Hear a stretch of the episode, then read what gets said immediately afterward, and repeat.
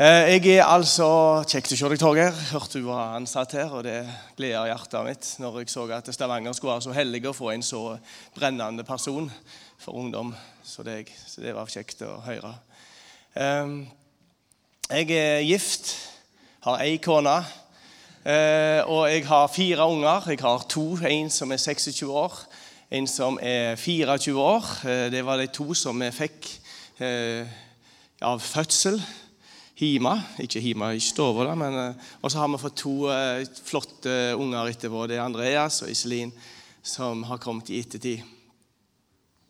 Så vi er heldige som er blitt en, vi er blitt en rikere familie enn vi i utgangspunktet var.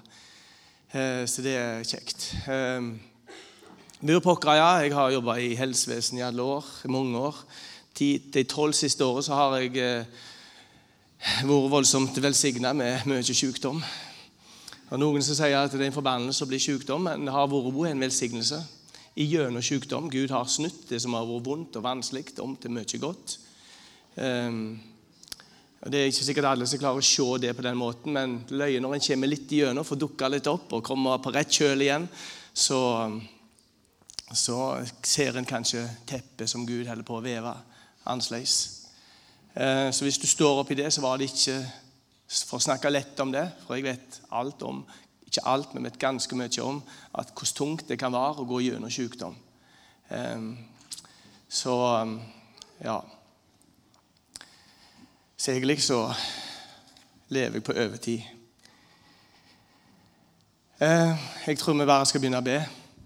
Himmelske Far, vi takker deg for at du er her. Der to og tre er samla i ditt navn, der du er midt iblant. Du vil være her med din ånd. Du vil for Den hellige ånd vil herliggjøre navnet Jesus. Gjør det for hjertene. La det bli til inspirasjon og fornya mot til å gå videre med evangeliet. Amen. Jeg er glad i et håndkle jeg har. Håndkleet jeg har, det er altså jeg kan ikke komme på når jeg kjøpte det eller fikk det, eller hvordan det havna i huset, for det er så mye folk som er innom i huset. Så der står det 'Verden for Kristus'. ikke sant? Misjonssambandet sitt håndkle. Jeg tar det med meg på trening, og det er enkelt å bruke det. og Jeg trener fotball, jeg er fotballtrener. og eh, Det er jo et greit håndkle å ha. Jeg trenger ett til. Eh, Det var et hint. Eh, For jeg vet ikke hvor jeg kjøpte det. Jeg skal, altså, når jeg tenker på Misjonssambandet, så tenker jeg jo med DNA. Eh, jeg har alltid tenkt på misjon. Det må jo ligge i genet til misjonssambandsfolk.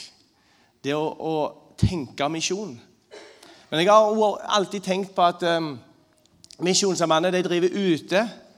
I Afrika spesielt, har vi hørt om. Um, og så har liksom Nordmisjon eller Indremisjon, IMF, og de har drevet hjemme her. Det, det er den tanken. Jeg vokste opp på Bedusbokra. Det er liksom det vi har tenkt. Indre Sjømannsmisjon de kom med Elieser, og så var vi med den en tur. Og så, og så Misjonssambandet, da, da snakket vi alltid om Afrika. Og så kom det en levende misjonær på bedehuset av og til. ikke sant? Som vi fikk se på, og av og til, hvis vi var heldige, så fikk vi ta på en levende misjonær òg. Eh, så det var for så vidt ganske greit.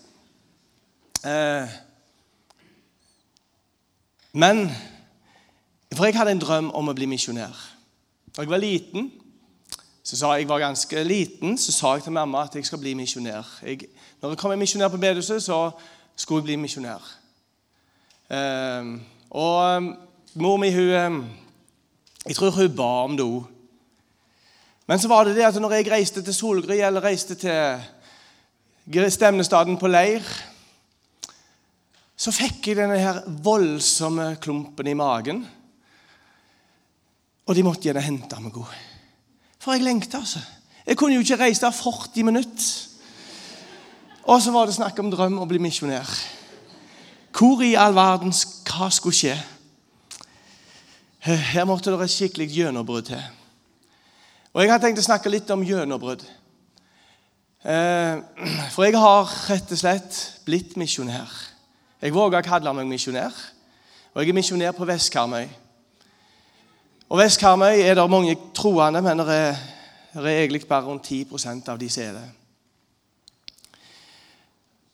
Men når jeg ble, når jeg ble unge, så Eller når jeg var unge, ikke ble, når jeg var unge, så så hadde jeg noen år ifra, Jeg var 13 år på bedehuset, hørte på, jeg vet hvem jeg hørte på, jeg vet hva tale det var.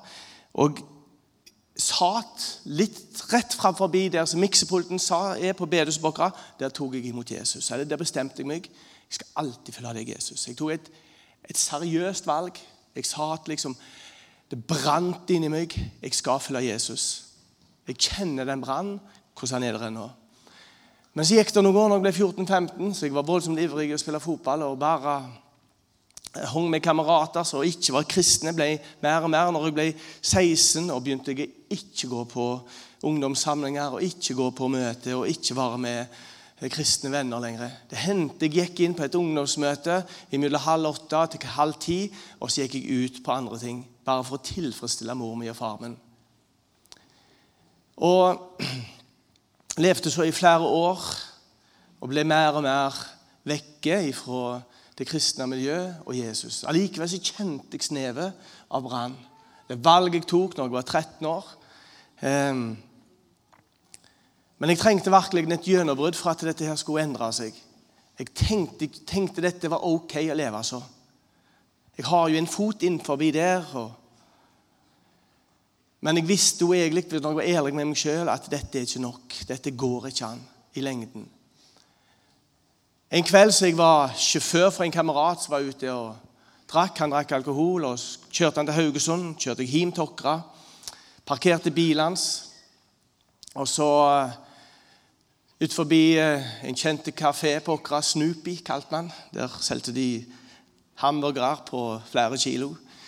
Eh, og der sto jeg, og så var det noen bedehuskamerater fra barndommen som sa hei, hva skal du i kveld? Nei, Jeg hadde egentlig ingen plan. Jeg hadde gjort det jeg skulle. Jeg hadde kjørt han til Haugesund, en annen kamerat, og så var jeg der. Og Så spurte de om jeg kunne være med Var med oss, var plass i bilen. Ok, jeg var med deg. Det var mange år siden. I løpet av den kvelden så var det en eller annen Plutselig så, så tok han ene opp Bibel i bil. Dette var i uh, desember.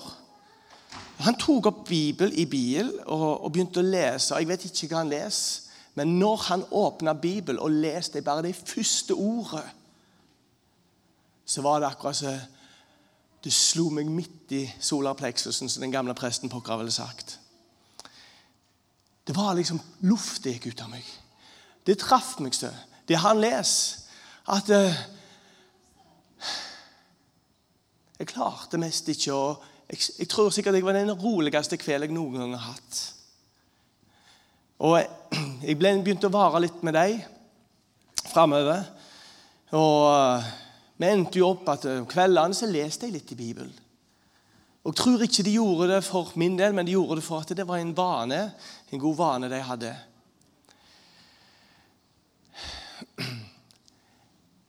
I den perioden så skulle jeg var ganske flink til å spille fotball.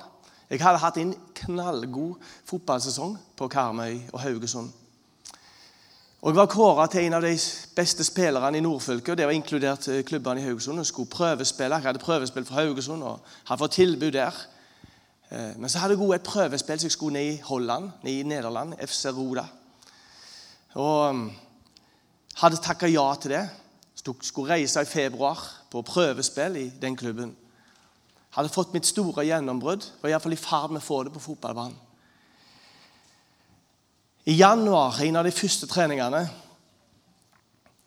så ble jeg most på en trening. Altså, Jeg ble takla så hardt at jeg eh, var ute i, fram til begynnelsen på april. Og jeg måtte jo bare takke nei til, til prøvespill for den ene klubben etter den andre som jeg skulle, hadde gleda meg til. Men selv om jeg så på at jeg hadde tenkt på et gjennombrudd i livet mitt til å I fotballverden så hadde Gud tenkt noe annet. Og Gud han eh, benytta så sterkt anledningen til å jobbe med meg når jeg ble skada. Og jeg ble hengende mer med de vennene mine som ble nye venner igjen, som gikk på bedehuset. Og etter en kveld der Jeg kunne mest ikke gå. Jeg gikk på krykker. Og leste i Bibelen. Og vet at det er den kvelden så er det snakk om refinansiering. Det var ikke refinansiering, det var helt ny fullfinansiering jeg gjorde i livet mitt. Jeg bankte på i halv fire-tida på natta hjemme til foreldrene mine sitt soverom. Og Så gikk jeg inn der, og, for jeg hadde mange ganger hørt både mor mi og far min ligge på kne når jeg kom, og bedt for meg og grene og ropt til Gud. Ikke bare for meg, men spesielt bror min, for han var mer en rebell eller meg. Men jeg hørte det, jeg visste de ba. Så banket jeg på døra halv fire-ti på natta, og, og, så sa jeg til de, Mamma og pappa, i dag har jeg bestemt meg for å følge Jesus. Jeg var 19 år gammel. Hva var det som hadde skjedd? For Gud hadde sendt noen i min vei som brukte tid på meg, som ville være venner med meg. Jeg er fortsatt venner med dem. De går i livet mitt, jeg eh, treffer dem. Han ene treffer jeg ofte, de andre bor litt vekke. Så Gud sendte noen som misjonerer i mitt nabolag. Gud han ville noe, et annet gjennombrudd i mitt liv eller det jeg sjøl hadde tenkt. Hvordan ville et gjennombrudd her i denne menigheten se ut?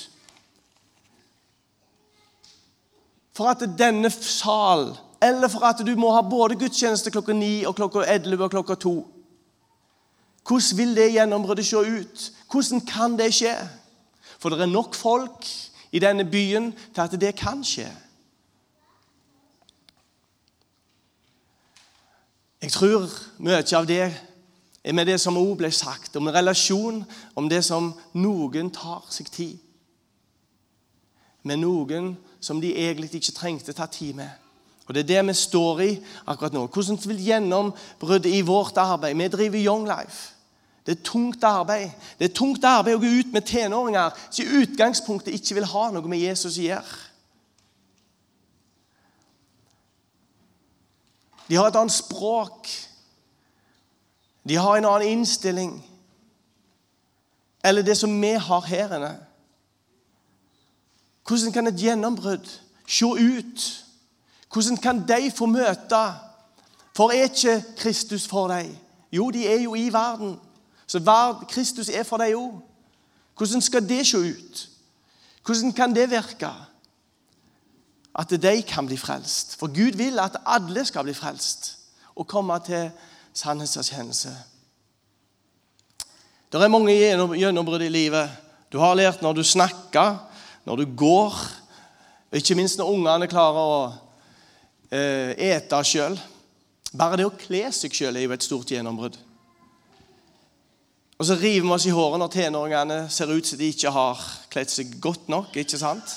Og så er Det jo et gjennombrudd når tenåringen klarer å rydde rommet sitt. hvis de noen gang klarer å rydde rommet sitt.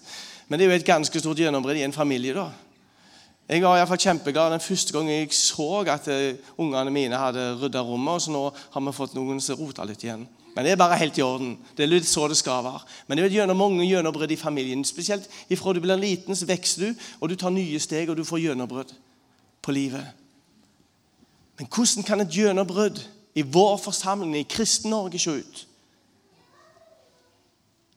I Bibelen så står det om at um, det var en som gikk eller I David i 2.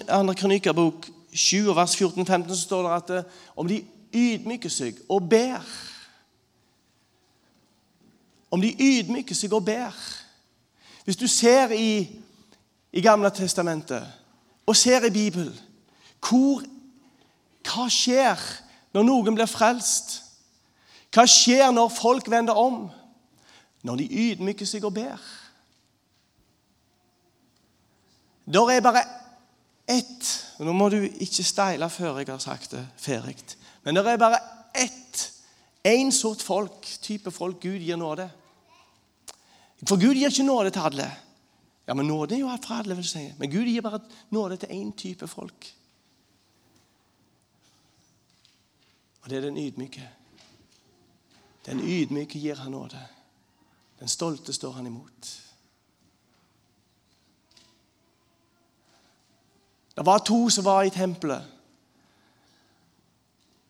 Han ene var kjente der. Han var kjentmann. Han kunne sikkert tatt folk med på guidet tur i tempelet. Han kjente sikkert til hver krinkelkrok i tempelet. Han var fariser. Han andre var vel kanskje den første gang han satte foten sin der.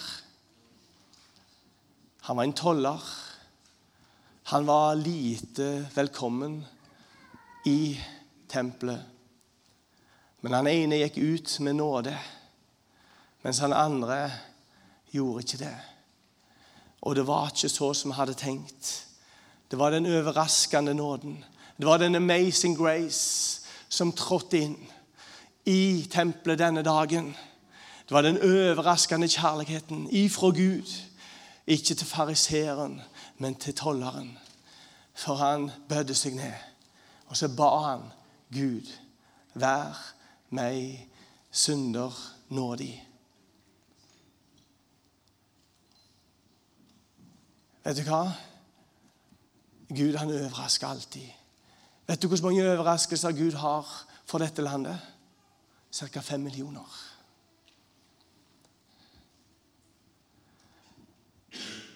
Gud har minimum fem millioner overraskende nåder, nåde å gi i dette landet til hver eneste innbygger. Enten om en kommer fra den ene bakgrunnen eller den andre bakgrunnen, så er Gud klar til å gi til den som ber. Gud var meg synder nådig. Jeg tok ikke tida, Kristoffer, men jeg eh, preiker litt til, så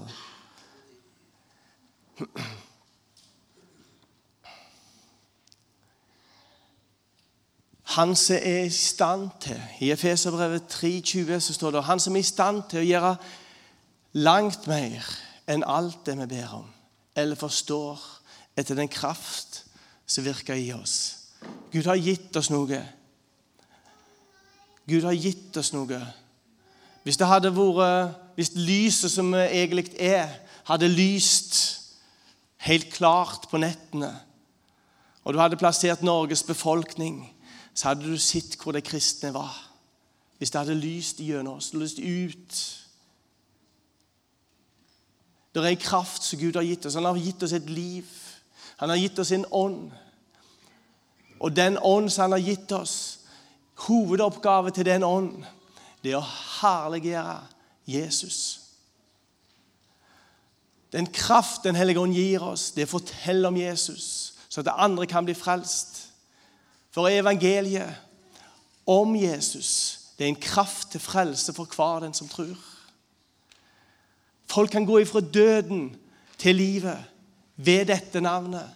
Ved denne kraft som reiste Jesus opp fra de døde.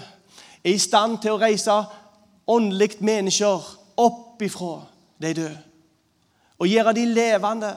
Dere som en gang var døde, men er nå blitt levende, står det i Feserbrevet 2. Vi var døde, men er nå blitt levende. Det er kraft og det er noe jeg og du kan gjøre for at den kraft som kan frelse folk, kan bres ut. Det er noen nykler. Jeg overbeviste på bedehuset på Åkra. Bestemor mi, Olena, hun var altså så høy til slutt. Og hun var så hun var ei sydame og ei vaskedame. Hun vaste på svære fillerøyer og vaste de med hendene. Så, hun, så sa hun du må, du må gjøre det i dag, for jeg har litt vondt i ryggen. sa hun. Når jeg skulle lufte i de båtene, hadde de sånne gamle brasser vet du, sånn som gikk hatt og fram. Og så skulle jeg lufte i de våte fillerøyene. Så jeg klarte ikke å lufte de. Jeg klarer det ikke, mor, sa jeg. Ja, jeg skal vise deg. Jeg, og så tok hun deres ingenting. ikke sant, denne dama. Men jeg skal love deg det på søndagen når det var møte på bedehuset, og så sa de at uh, nå skal vi be. Så var det denne gamle dama med veska si. Hadde alltid veske, håndveske. Så la hun seg. Det var ikke snakk om å sitte på stolen. Så snudde hun seg. Så la hun seg på kne på bedehuset i lag med andre damer. Så ropte hun til Gud. Gud, du må frelse. Gud, du må frelse. Du ser den, du ser den, du ser den. Og jeg ble nevnt så mange ganger. Og så mange ganger jeg ble nevnt i hennes bønner. Hun ba. Og Det var bare så vidt pga. gikt og alderdom og kroppslig tyngde at hun klarte å komme seg opp av den stolen igjen og sette seg på rett kjøl igjen. Gud, du må frelse. Jeg fortalte jeg har vært velsigna med ei dårlig helse. Kanskje det er litt flåsete sagt, men Gud han har iallfall gjort noe gjennom sykdom. Og I fjor, november, så havna jeg på sykehus. Akutt igjen, og sykebil. og eh, hadde egentlig ikke tid til det, for vi skulle ha 100 ungdommer på leir eh, i helga. Og dette var onsdag eller torsdag i den dur. Onsdagen, eh, og, og hadde jo ikke tid til å bli syke. Og jeg, jeg tenkte ja, jeg, De måtte sykebil, og de måtte gi meg alle mulige beroligende for å ta vekk smerter. Og Så kom jeg inn på sykehus og lå på akutten der, og akuttpost på sykehuset i Haugesund. Folk forretter ham. Det var seksmannsrom eh, på akutten. De, de, bare kikker på deg, og så noterer de at du er der. Og så hadde jeg ikke kjangs å stikke noen plass heller. for så vidt. Og, og så kom det en inn. Så ble han liggende. Da var bare jeg han.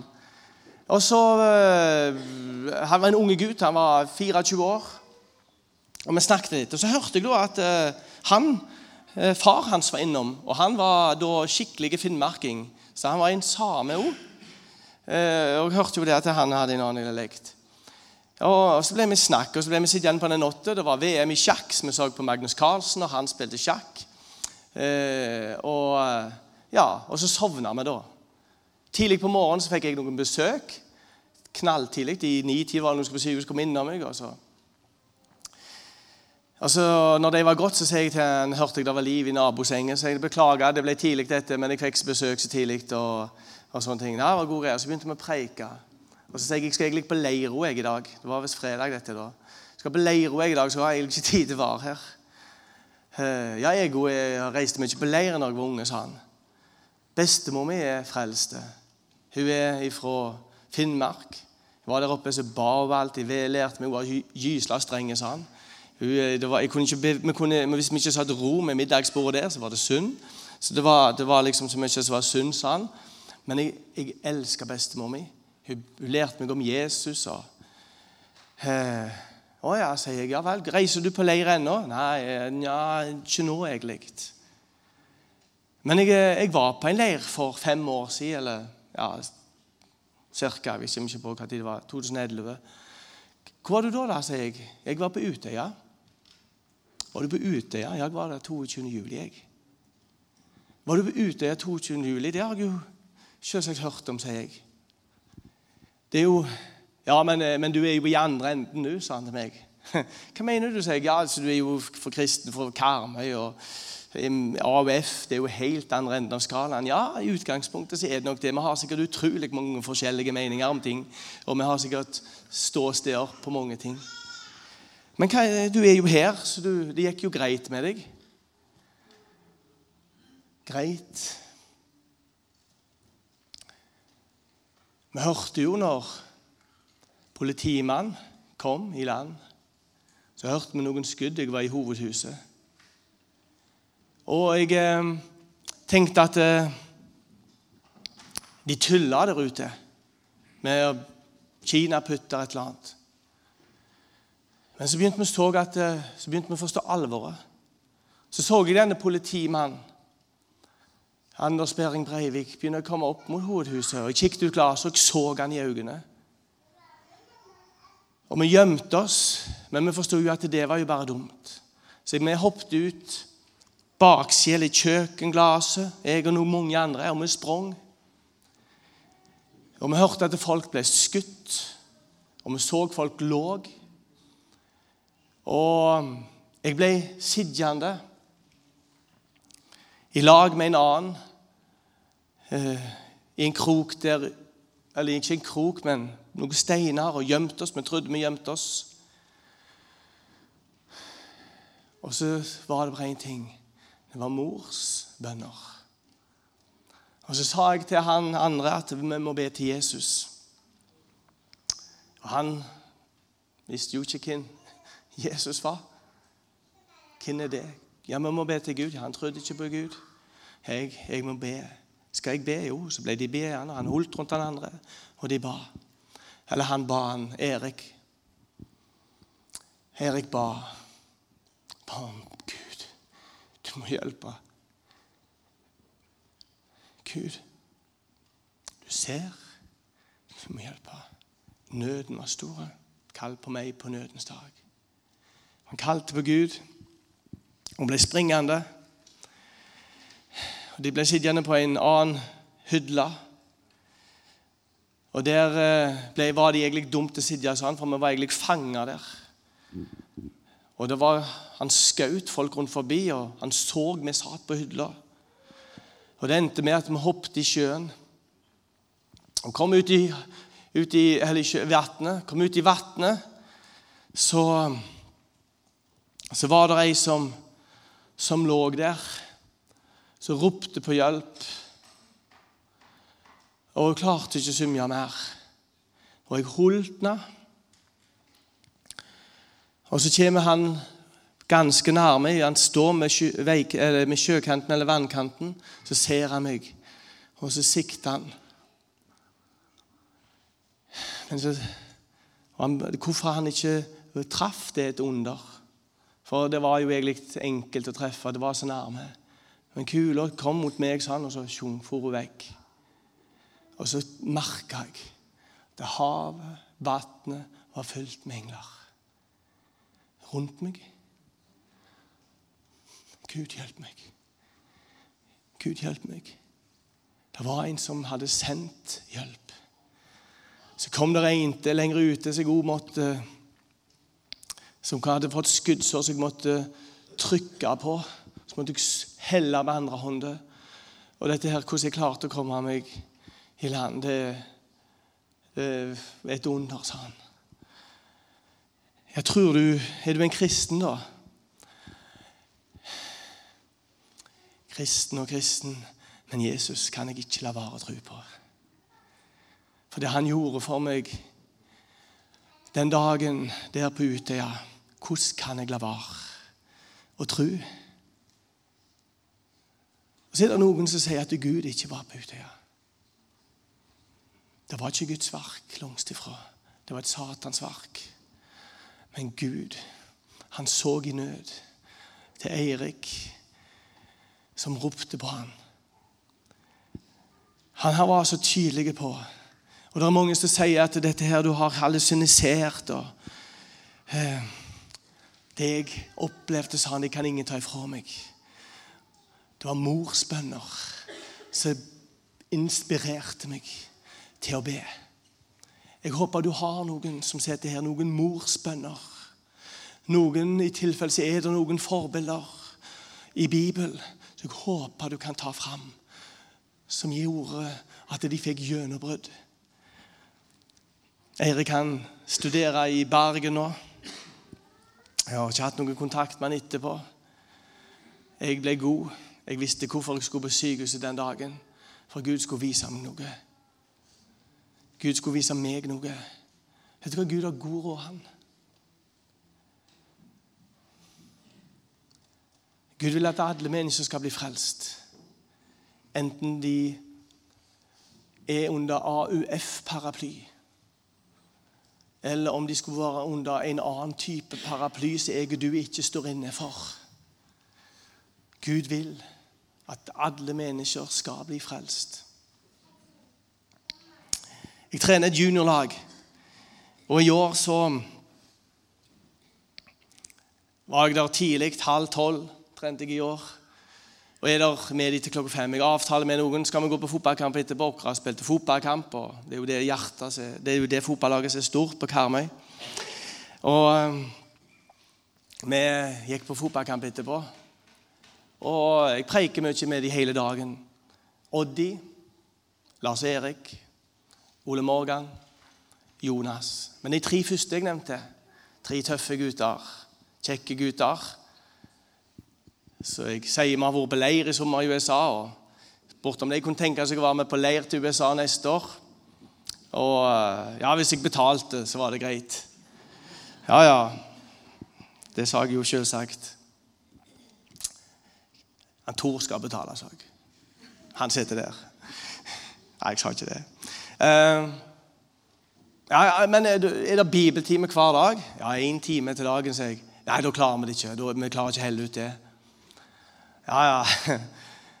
Og så uh, snakket vi om mange ting, og, og de prekte. Og den ene, ene Jeg satt frem, rett fram forbi de da.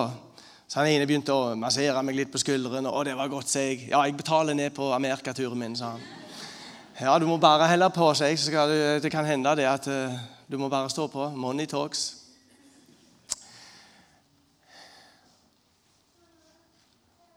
Hvem ber for Oddi? Hvem ber for Lars Erik? Hvem ber for Ole Morgan? Ikke mye fra kristne himmer. De har ikke gått søndagsskole, disse tre guttene. De har ikke gått i kristent lag. De er hedninger. Hvem har kontakt med deg? Hvis ikke jeg har det. Hvem tre personer som du kan komme på, som er i samme situasjon, kan be for dem rope til Gud 'Gud, hjelp!' De må bli frelst. De må bli frelst. I dag må du bare være Og de! Jesus, Gud Det er en sang som jeg er så glad i. Gud han har aldri gitt meg opp. Han, jobber, han, han blir visst aldri lei meg. Og så står det i en sang i sangboken på 350 Han går ved min side, han leder meg en gang. Og i dag vi måtte rope ut Gud, du som går med sida mi og leder min gang. Du kjenner Oddi. Jeg traff de i år. Du var der, du òg. Når jeg var med Oddi i år, når jeg var med Jonas, Lars Erik og Ole Morgan Du vet, de kjenner ikke deg. De trenger å møte deg, Jesus, ellers er de fortapt. Hvem skal møte dem? Hvem skal gi dem evangeliet om Jesus? Kraft til frelse? Hvis ikke jeg gjør det, hvis ikke du gjør det, hvem skal møte dine naboer? Hvem skal lære dem veien å gå hvis ikke jeg eller du gjør det?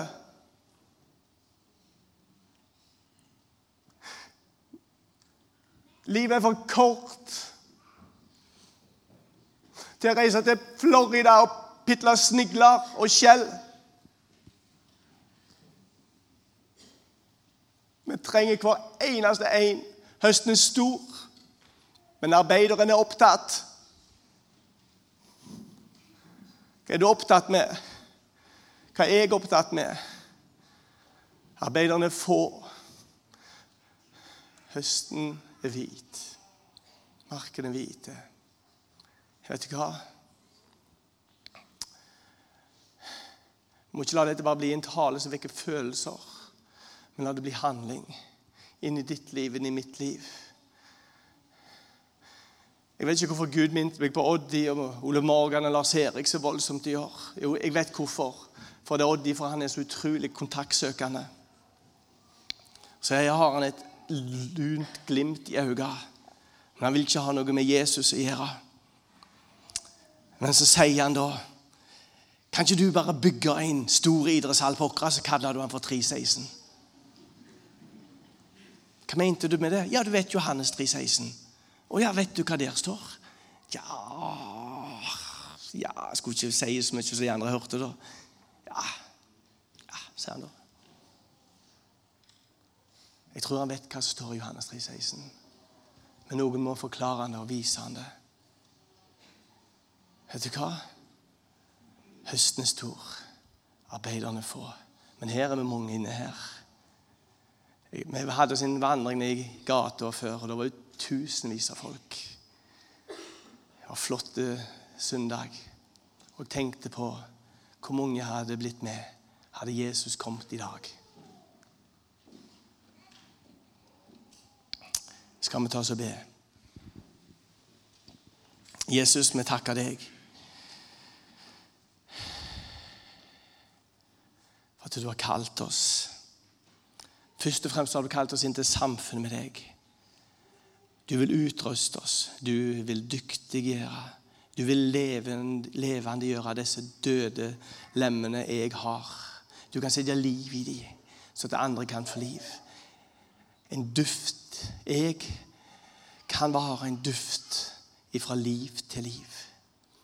For du er livet mitt. Du har flyttet inn i meg. Jeg takker deg for det, Jesus. Jeg ber for hver enkelt som er her. Jeg ber for forsamlingen. Ber for byen her. Jeg ber for Norge. Jeg ber for Stavanger. Jeg ber for Karmøy. Jeg ber Jesus.